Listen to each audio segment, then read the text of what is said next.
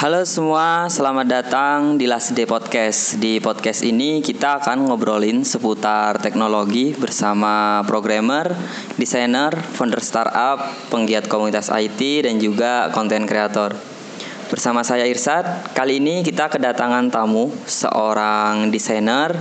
Uh, beliau juga sudah menjadi teman saya cukup lama dan uh, spoiler juga yang bikin logonya Last Day dari awal sampai yang sekarang. Oke kita uh, ucapkan saya ucapkan terima kasih terlebih dahulu kepada Mas Royan yang mau yang sudah berkenan mengisi episode kali ini. Episodenya mungkin agak beda dari yang sebelum-sebelumnya. Kalau sebelumnya kita uh, mayoritas programmer semua. Kali ini kita akan ngobrol seputar desain. Jadi monggo Mas Royan, saya kasih waktu untuk memperkenalkan diri. Ya, terima kasih sebelumnya atas waktu dan tempatnya Mas Irsyad dari Lasdi. Perkenalkan nama saya Ryan Wijaya, biasa dipanggil Roy. Saya di sini freelance graphic designer khususnya di bidang icon dan ilustrasi. Saya freelance udah sekitar 3 mau ke 4 tahun gitu. Oh iya, dulu sejak kuliah kan ya kayak. Iya, kalau yang dulu pas zaman-zaman kuliah tuh masih zaman-zaman meraba gitu ingin tahu apa aja gitu di dunia oh iya iya, iya. kalau sekarang berarti kesibukannya selain masih menjadi freelance hmm ya kesibukan saya selain bikin uh, aset desain uh-huh. entah itu icon ilustrasi dan sebagainya saya juga uh, bekerja sebagai visual designer di salah satu perusahaan software di Singapura. Oh, perusahaan software ya? Iya. Iya, iya, iya. Jadi Mas Royan udah udah berapa lama jadi remote design? Kalau untuk remote-nya masih baru sih, Mas. Masih baru ya? Iya, masih setahun.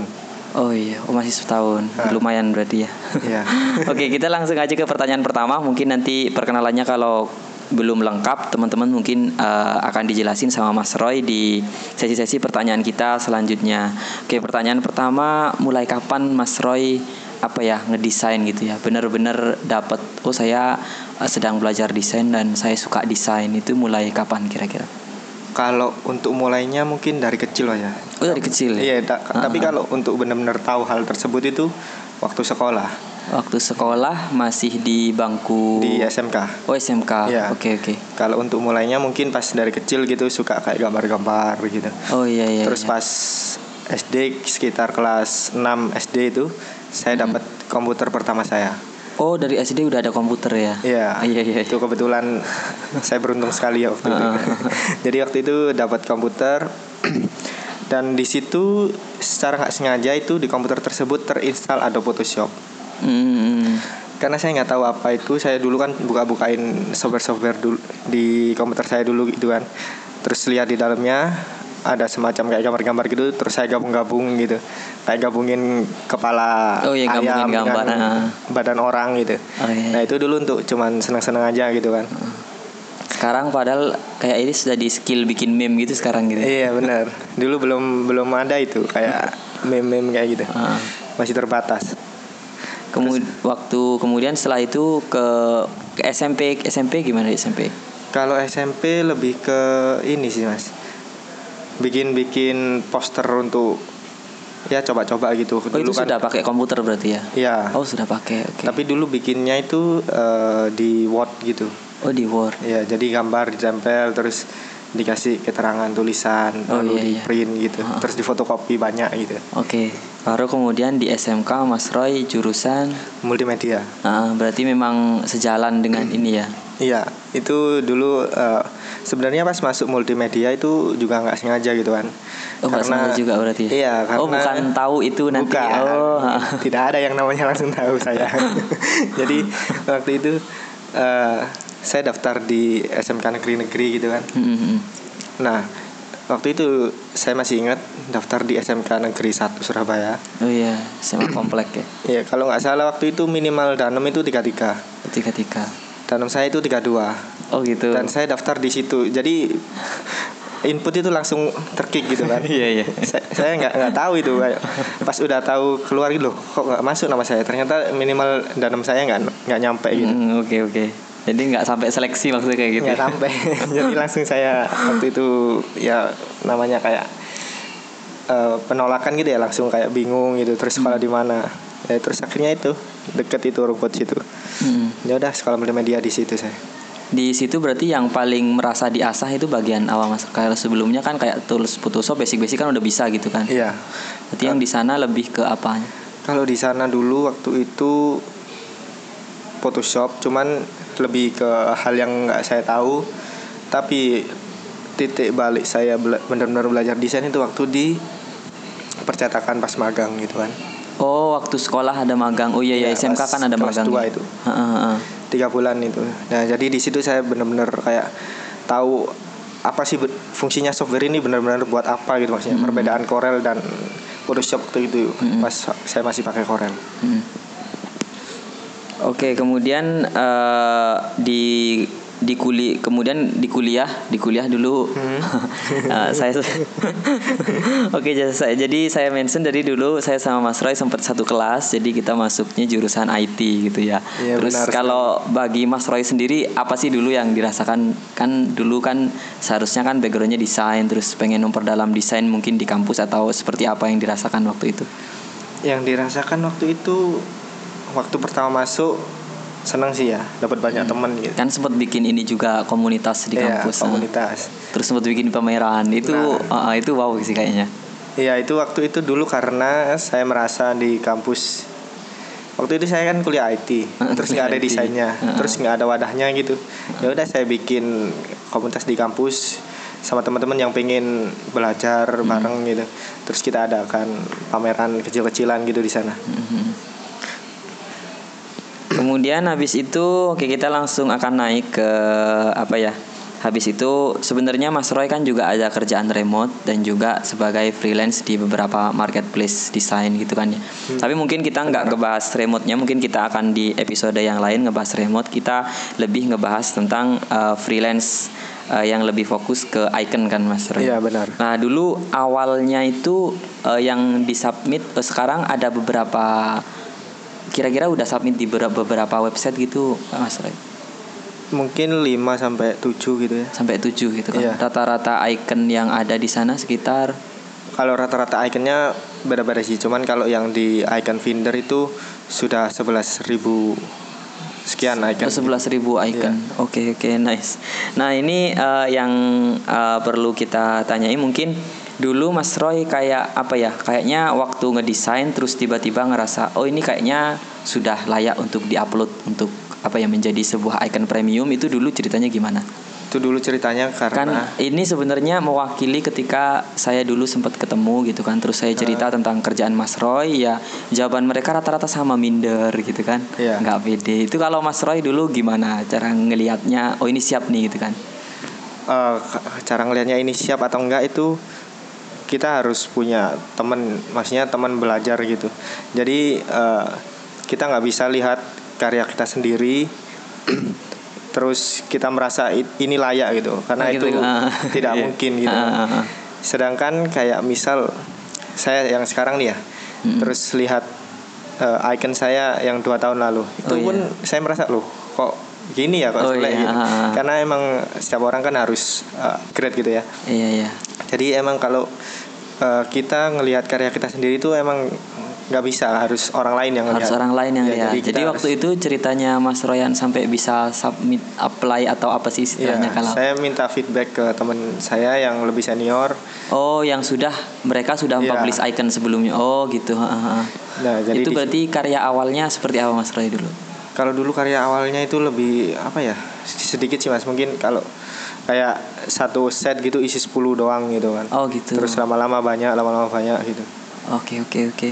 Uh, mungkin uh, nanti kita akan kalau teman-teman mau lihat ini yang bisa dilihat kan ini kan kita audio gitu kan Oh, iya, teman-teman benar. pengen lihat itu kira-kira bisa disebutin nggak alamat yang bisa dilihat oleh Oh bisa teman-teman? kalau di icon iconfinder.com slash Royan Wijaya. Royan Wijaya. Iya. Kalau yang lain lagi Kalau yang lain bisa lihat di dribble saya triple.com slash roywj Oke, nanti kita taruh di deskripsi episode podcast ini ya.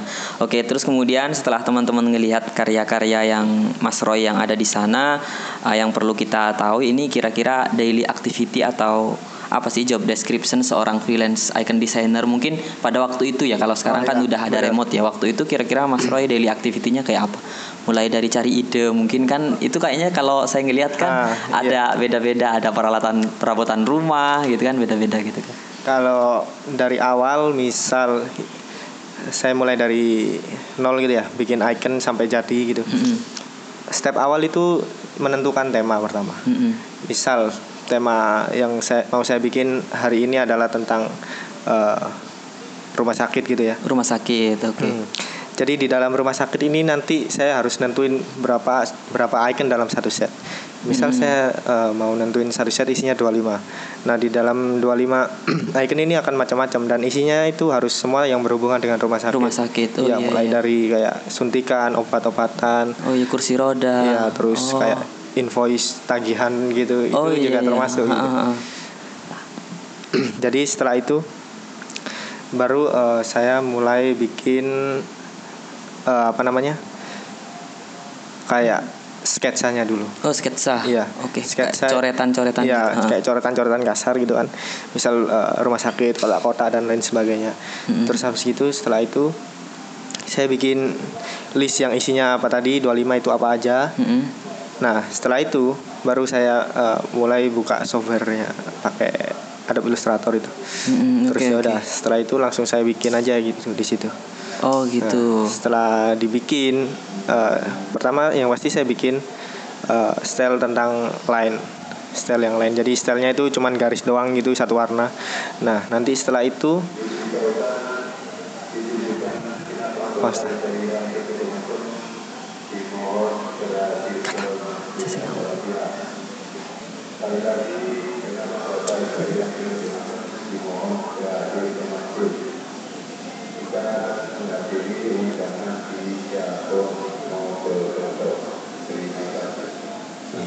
Oke, mohon maaf teman-teman karena di sini kita saya sedang di rumahnya Mas Roy dan rumahnya Mas Roy lumayan cukup dekat dengan speaker masjid.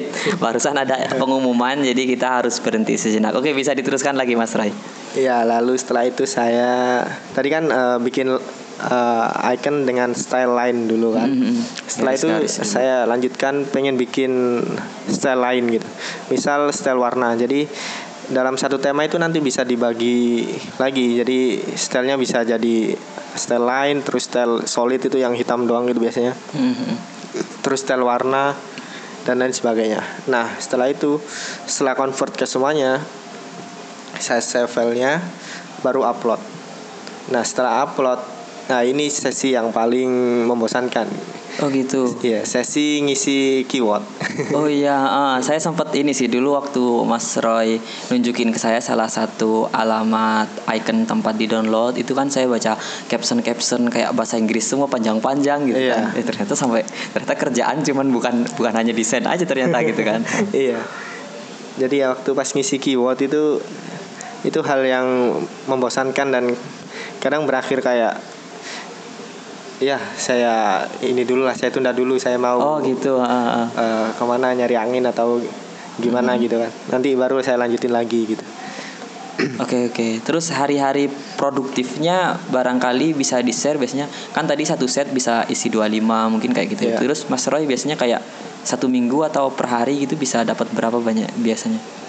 kalau dulu mungkin eh, bisa ini juga ya karena semangat orang itu bisa berubah-berubah gitu ya Heeh. jadi dulu waktu awal-awal itu saya benar-benar semangat gitu mas kayak tiap hari itu bisa bikin 50 icon gitu 50 icon satu Iya. hari. Iya. Terus habis gitu semakin lama semakin lama gitu kan. Heeh. Kayak semakin berkurang gitu semangatnya. Jadi semakin sedikit semakin sedikit. gitu. Semakin sedikit. Terkadang sampai sehari itu bolong gitu nggak bikin. Mm-mm. Nah, Oke oke. hmm. Jadi hal-hal kayak gitu itu apa ya merupakan hal yang wajar gitu. Kayak kejenuhan gitu datang gitu. Apalagi kalau saya sebagai orang yang nggak ngerti desain mungkin ngelihat kan itu idenya Mas Roy kan kayak saya ngelihatnya kayak sudah tertuangkan semua mungkin stucknya mungkin cari ide apa lagi kira-kira kayak kayak gitu nggak sih Mas Roy? Iya, lebih ke mungkin jenuhnya itu lebih ke proses yang panjang gitu kan Oh iya, diulangi lagi. iya diulangi Oh, lagi oke. terus bikin lagi Oke, dari eh, apa daily activity-nya seorang freelancer kita tahu. Nah, sekarang kita pengen tahu nih biar ada rasa-rasa teknologinya ya, Mas Oh, iya, untuk software gitu yang dipakai apa aja sih gitu. kalau software saya pakai Adobe Illustrator itu standar buat apa ya internasional gitu Oh iya iya. Ya, karena eh, dari Adobe Illustrator itu kita nanti bisa eh, upload format dalam bentuk EPS. Mm-mm. Nah, format EPS ini format yang apa ya? Bisa dibilang dia itu fleksibel. Jadi bisa dipakai di software lain juga. Mm-mm. Kayak format global gitu ya. Iya, tapi kekurangannya EPS ini kalau misal eh, file kita atau desain kita ini mengandung unsur gradien atau efek-efek kayak shadow gitu. Mm-mm. Itu nanti ketika dibuka di software lain, katakanlah kita buka di Corel Draw gitu ya. Nah, itu biasanya akan crash atau jadi jelek gitu hasilnya. Oh iya iya iya. Oke teman-teman yang belum tahu jadi karena saya juga beberapa kali nerima file itu dari Mas Roy mungkin ejaannya adalah .e ya EPS gitu ya. Iya, dot Ah, EPS. dot EPS. Terus ada lagi format yang lebih apa? Bersahabat itu namanya SVG. Oh ya SVG. Ya, Oke, mungkin untuk teman-teman developer developer, ah, tahu mereka. SVG oke. Kalau SVG ini juga sama. Jadi formatnya itu dia bentuknya vektor, terus bisa dibuka di mana pun. Tapi tetap kayak eh, kekurangannya ya itu tadi. Kalau ada efek kayak drop shadow gitu, itu kurang bekerja dengan baik gitu. Oke. Tidak sesuai ekspektasi yang waktu dibikin gitu kan. Mm-mm. Kalau software lainnya ada lagi nggak Mas? Pendukung Ada. mungkin? Oh, ada lagi Oh, ya. maksudnya ini software yang saya gunakan. Ah, ah, ah, ah. Kalau saya bikin selama ini cuma pakai AI sih mas. Cuman pakai AI Iya. aja ya. Oke oke. Oke kemudian eh, next eh, karena kan eh, ini pertanyaan berikutnya mungkin ada latar belakangnya beberapa teman-teman kan ada yang takut, ada yang minder, ada yang takut ini cukup nggak buat makan kan kadang kayak gitu kan. Iya. Kira-kira kalau Mas Roy dulu kayak terus kan eh, anggaplah waktu itu dicoba gitu kan dicoba oke lah kita mempublish icon terus kira-kira Mas Roy itu eh, titik merasa oh kayaknya ini cocok buat saya itu ketika dapat apa atau ketika sudah sampai ke waktu ngerjain yang mana gitu kan Oh gitu ya. Ah, ah. Kalau saya dulu kan sambil nyuci mobil itu kan ya. Jadi saya kerasa bener-bener kayak oh ini bisa jadi kayak mata pencaharian. oh iya iya Itu pas ketika dalam tiga bulan terakhir itu kita mendapatkan hasil yang konsisten. Konsisten Oh, gitu. dalam artian naik turunnya itu nggak jauh. Nggak jauh, ya. Iya. Oke, benar, benar, benar. Jadi oh ya bisa nih. Jadi kalau kita misal nambahin uh, aset atau Hmm. item gitu di sana pasti nanti ada kemungkinan akan naik gitu. oh iya, Jadi iya. ya setelah itu pas saya tahu ada uh, konsisten pendapatan di tiga bulan terakhir, ya udah saya merasa yakin aja gitu untuk Oke ini melanjutkan. Mas Roy tadi mention sedikit sempat kerja cuci mobil. Jadi dulu Mas Roy sambil kuliah itu sebenarnya nggak full time menjadi mahasiswa gitu kan Mas Roy kan ya. Iya. Jadi dulu itu sebenarnya desain kan mulai dari ketika lagi cuci mobil. Iya benar. Heeh, terus akhirnya resign kan gitu kan. Akhirnya resign. Nah, akhirnya memutuskan resign itu ketika yang tadi itu atau gimana Mas Roy? Ya ketika yang tadi itu. Jadi- ketika hasilnya yang ketika sudah icon merasa hasil dan Hmm. eh, terus hasilnya kira-kira naik turunnya nggak banyak gitu. Ah, ah, ah. Ya meskipun waktu itu kalau di compare dengan uh, pendapatan cuci mobil jauh gitu ya, Mm-mm. tapi ya karena saya orangnya positive thinking, jadi ya ya udahlah gitu. Saya langsung terjun setelah ada sinyal di sana. Mm, Oke oke. Terus ke- eh, kemudian ini sebenarnya pertanyaan eh, opsional sih sebenarnya. Kan Mas Roy sekarang sudah ada remote design juga, terus beberapa karya di marketplace tadi juga masih ada kan gitu kan. Kalau dulu kebayang nggak sih punya profesi kayak sekarang kan? Kalau saya cerita ke kakak-kakak saya yang punya usaha non IT, mereka menyebutnya hampir sama semua profesi yang kayak kita lakukan itu profesi di era 4.0 gitu kan. Iya. Bahkan saya yang denger aja, oh ada kayak gitu ya, ada istilah kayak gitu ya. Istilah Kayak itu. baru. Heeh. Kira-kira Mas Roy kebayang nggak sih punya profesi yang sekarang dulunya gitu kan waktu itu? Enggak, saya enggak kebayang sama sekali sih. Jadi yang dulu kebayang itu Kalau saya dulu kebayang mungkin dream job saya dulu waktu Hmm. SMK waktu masih labil gitu ya remaja gitu. Itu saya dulu pengen punya toko baju gitu. Mm-mm. Terus desainnya desain saya sendiri gitu Oh, iya, doang. iya. Cuman Ah. saya nggak eh, ada kebayang terus bisa ngelakuin pekerjaan ini dari rumah. Oh, iya. Terus eh, apa namanya? bisa ketemu orang lain tanpa berjabat tangan gitu mungkin ya alias online gitu ya. Jadi ya dulu nggak kebayang aja gitu. Oke kemudian eh, tadi kan udah nggak kebayang sebenarnya kan ya. Terus bagaimana sih kayak dampak di keluar? Kadang orang-orang awam kalau ngelihat kita gitu kan. Kalau saya sih kan saya juga mirip-mirip sama Mas Roy di rumah juga kan. Iya. kadang kalau saya keluar itu jam antara jam 10 pagi sampai jam 3 sore pertanyaan orang-orang itu selalu sama Mas Irsat lagi libur ya gitu kan? Mas Irsat lagi libur ya gitu kan? Padahal kalau saya keluar setiap hari berarti saya kayak orang nggak nggak kerja beneran kan gitu kan? Itu kalau Mas Roy bagaimana sih dampak di keluarga atau lingkungan dengan pekerjaan yang sebenarnya kita kan udah mulai membesar apa udah udah mulai populer lah kerjaan kayak gitu Iya. tapi ya belum terlalu populer juga kan kayak gitu kan? Kalau dulu awal-awal ini ya emang belum tahu aja gitu eh, orang-orang atau tetangga gitu. Mm-mm. terus jelasin ke orang tua juga gitu. Kalau dulu jelasinnya itu yang penting yakin aja dulu. Mahnya eh, kalau diri kita aja nggak yakin gimana kita ngeyakinin Gimana? orang lain gitu Iya, iya, kan? bener. terus kayak kita bilang wah saya bisa hidup dengan pekerjaan ini gitu. Tapi kita ngomongnya sambil eh, apa keder atau deg-degan gitu bergetar gitu. Terus kayak nggak yakin juga gitu. Nah terus orang lain yang lihat gimana juga gitu. Ya meskipun waktu itu belum apa ya belum ada di posisi aman bener-bener aman gitu yang benar-benar hasilnya kelihatan Iya. gitu. Nah, jadi ya emang yakin dulu gitu kalau saya ya Heeh. saya yakin dulu kalau emang bener-bener bisa saya ngelakuin hal ini Oke oke. Jadi biar kita percaya Iya. diri juga waktu ngomong sama orang. terus kalau untuk ke tetangga Iya tetangga sih. jelasinnya ini lebih ini sih saya Tapi Mas Roy pernah kejadian nggak kayak gitu? kejadian tetangga ya ditanyai kayak basa-basi? Iya, saya ya? bilang gambar gitu. Oh gambar. Ya, kerjaannya apa? Gambar gitu. Gambar apa? Gambar logo. Oh, logo itu apa? Terus saya jelasin pakai hal yang paling sederhana. Waktu itu eh, tetangga saya pegang deterjen. Oh iya deterjen. Nah, saya bilang kan itu di deterjen itu ada, Ada gambar. tulisan, ada Ah. gambar. Nah, saya bikin kayak ginian itu. Hmm. Nah, saya bikin gini terus langsung tak kirimin ke eh, orang yang pesen. Ya udah nanti orang pesennya bayar ke saya gitu. Oh iya. Oh, iya. gitu. Oh iya iya. Oke oke. Kebayang bisa ada juga ya cara kayak gitu Iya, ternyata jadi ya? men- menjelaskan eh, apa ya yang mereka tahu bukan yang Ah, kita tahu. hal-hal yang mereka sehari-hari lakukan tapi mereka nggak sadar Iya, gitu. sadar, Oke gitu. oke nice.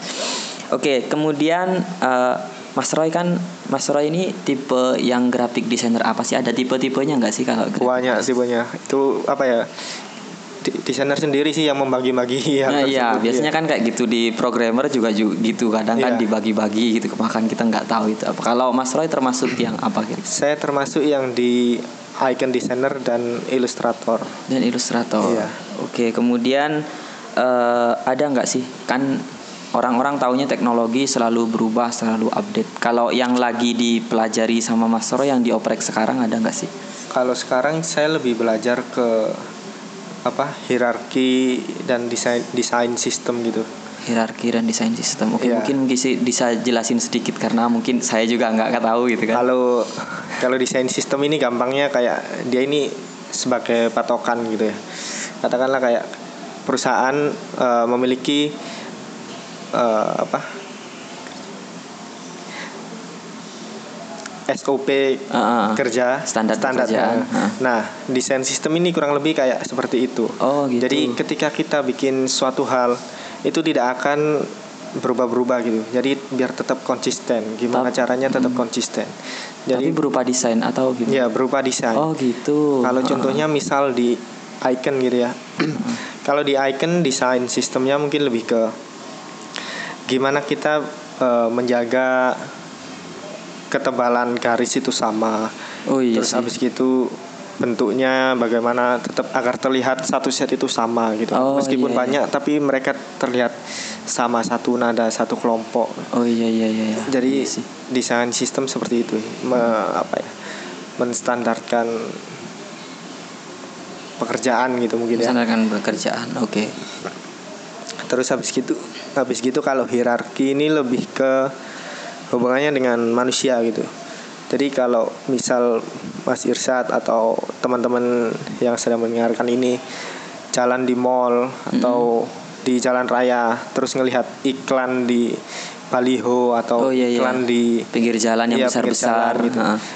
kalian mungkin nggak menyadari kak. Tapi kalian sebenarnya kayak melihat iklan itu kayak sebentar banget gitu. Kayak dua tiga detik mungkin sampai lima detik paling lama Tapi Jadi- langsung mengerti maksudnya. iya jadi Oh, fungsinya hierarki di heeh. sini kayak mana informasi yang penting itu ditampilkan paling besar atau paling vokal itu terus Man- mana, mana informasi tambahan Oh, yang cuman bagian pendukung aja. Iya. Oh, heeh, heeh. jadi kayak misal kalau kayak kalau dalam satu ruangan ada ruangan rapat gitu ya Mm, mm, mm. Nah, hierarki ini berfungsi sebagai moderator gitu. Mm, mm, mm. Jadi kalau dalam satu ruangan ini nggak ada moderator, mereka semua teriak gitu kan. Oh iya iya. Saya ingin kelihatan, saya ingin kelihatan. Nah, kalau moderator kan nggak, kamu yang kelihatan duluan. Heeh. Ayo kamu ngomong gitu. Kamu yang ngomongnya paling keras. Heeh. Gitu. Terus itu biasanya sesuatu hal yang penting gitu. Oh iya iya. Jadi iya. kalau kita di jalan atau di mall gitu kan pasti banyak macam-macam warna Hmm. di sana eh, spanduk promosi dan sebagainya.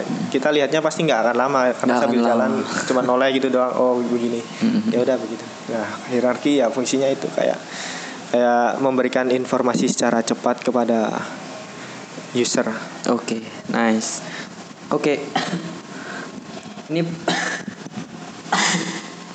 pertanyaan yang terakhir kira-kira ada nggak sih referensi belajar buat pendengar-pendengar di Last Day Podcast? Eh, referensi belajar ada banyak pasti. Hmm, yang ini lebih ke apa? Desain itu ya. iya yang desain mungkin ya. Kalau yang desain, kalau yang icon, kalian bisa cari nama orangnya Justas Galapurda kalau nggak salah. Jadi dia ini eh, menjelaskan bagaimana tentang icon dan cara bikinnya juga. Oh gitu. Ya, terus habis gitu kalau desain itu sebenarnya di medium itu banyak yang mengulas gitu. Jadi Oh, kita ah, kalau emang mau sering baca-baca pasti di sana banyak. Hmm, oh ternyata sosok sama sa- itu. sama juga kayak programming ya diulas di Iya. medium juga. Oh iya iya iya. Dunia desain mirip-mirip. Terus ada lagi Mas Roy? Mungkin ma- mungkin teman-teman nanti eh, beberapa link tersebut saya cantumkan di deskripsi, kemudian ya bisa dibandingkan juga sama hasil Mas Roy belajar di di icon Finder tadi ya sama Iya. di Dribble juga. Terus yang terakhir ini eh pertanyaannya udah habis. Ini mungkin lebih ke tips dari Mas Roy. Ini kan materi kita kan graphic designer kan ya. Benar. dari teman-teman yang nggak pede itu mulainya ini kan kayak kadang kita kalau cuman mau bilang ya mulai aja gitu kan kayaknya ya semua orang bisa bilang kayak gitu. Tapi kira-kira key-nya apa sih kalau dari seorang Mas Roy untuk tips gitu kan? Kalau tips dari saya ya, Heeh. melihat maksudnya benar-benar melihat itu kayak kita kan misal di dribble kan banyak itu desain-desain bagus. Hmm. nah kita liatin aja gitu kayak benar-benar dilihatin kayak dinikmatin gitu. Oh ini kok bisa bagus gitu ya? Oh iya iya. ini apa yang bikin uh, desain ini bagus daripada desain ini gitu. Jadi kita nggak perlu langsung praktek dulu nggak apa-apa. Kayak Hmm. kita liatin aja gitu dulu yang lama terus kayak kita bener-bener bangun feel-nya gitu. Setelah itu baru kita praktek. Praktek eh, kalau dalam praktek jangan takut gitu ya jangan takut eh, ini jelek atau bakalan di Hina orang. ya karena itu pasti gitu ya. dihina orang dalam desain jelek itu pasti gitu Oke oke. jadi memang kita eh, harus nemu seseorang yang bisa diajak tanya jawab mengenai hal itu Temen tapi sebenarnya ada nilai mentoringnya gitu Iya, ya. benar. Ah, Oke oke. Jadi emang kita butuh yang namanya mentoring itu. Heeh, heeh. Oke oke. Mungkin Kita minta eh, minta feedback, Feedback. terus minta saran. Nah, terus apa namanya? Terus setelah itu kalau kita udah dapat hal tersebut ya emang harus dipraktekkan gitu. Kayak bener-bener dipraktekkan kita harus bikinnya tiap hari kalau bisa. Terus pas waktu bikin itu sabar juga gitu. ini biasanya teman-teman mahasiswa kurang sabar biasanya ini kan. Iya kurang sabar mereka tergesa-gesa gitu. pas uh, waktu bikin sabar terus dilihat dilihatin sebenarnya ya itu tadi yang penting itu di dari visualnya karena mm -hmm. kita mau harus kalau uh, kalau saya uh, boleh simpulkan tadi kayak curiosity curiosity-nya harus agak tinggi penasarannya ya, kan. Bener. Ini kenapa kok ini bisa kayak gini uh, gitu kan dibandingkan dengan yang lain. Iya, ya, sense-nya nanti akan terasa. Ah, iya ya, sense-nya juga ada. Oke teman-teman mungkin itu yang bisa kita share hari ini Semoga ada yang bermanfaat Terima kasih buat Mas Royan Iya ini kalau teman-teman mau lebih dekat mungkin sama Mas Royan, Mas Royan sosial medianya aktif di mana? Saya aktif di Facebook, Twitter, IG IG nggak terlalu. Oh, IG nggak terlalu. Oke, okay. uh, eh, mungkin di Twitter mungkin gitu ya. Yeah. Kan saya biasanya cuma ngasih satu link untuk. Oh begitu uh, ya. Uh, mungkin kita nanti taruh di deskripsi untuk teman-teman yang pengen kenal sama Mas Roy kita tahu taruh di Twitter. Oke, okay. sekali lagi terima kasih Mas Royan uh, sudah sharing ya. Semoga ada yang bermanfaat dan kritik dan saran saya tunggu di Instagramnya l a z d a y i d. Kalau teman-teman mau request konten materi apa juga boleh banget. Sekian saya tutup dari saya. See you guys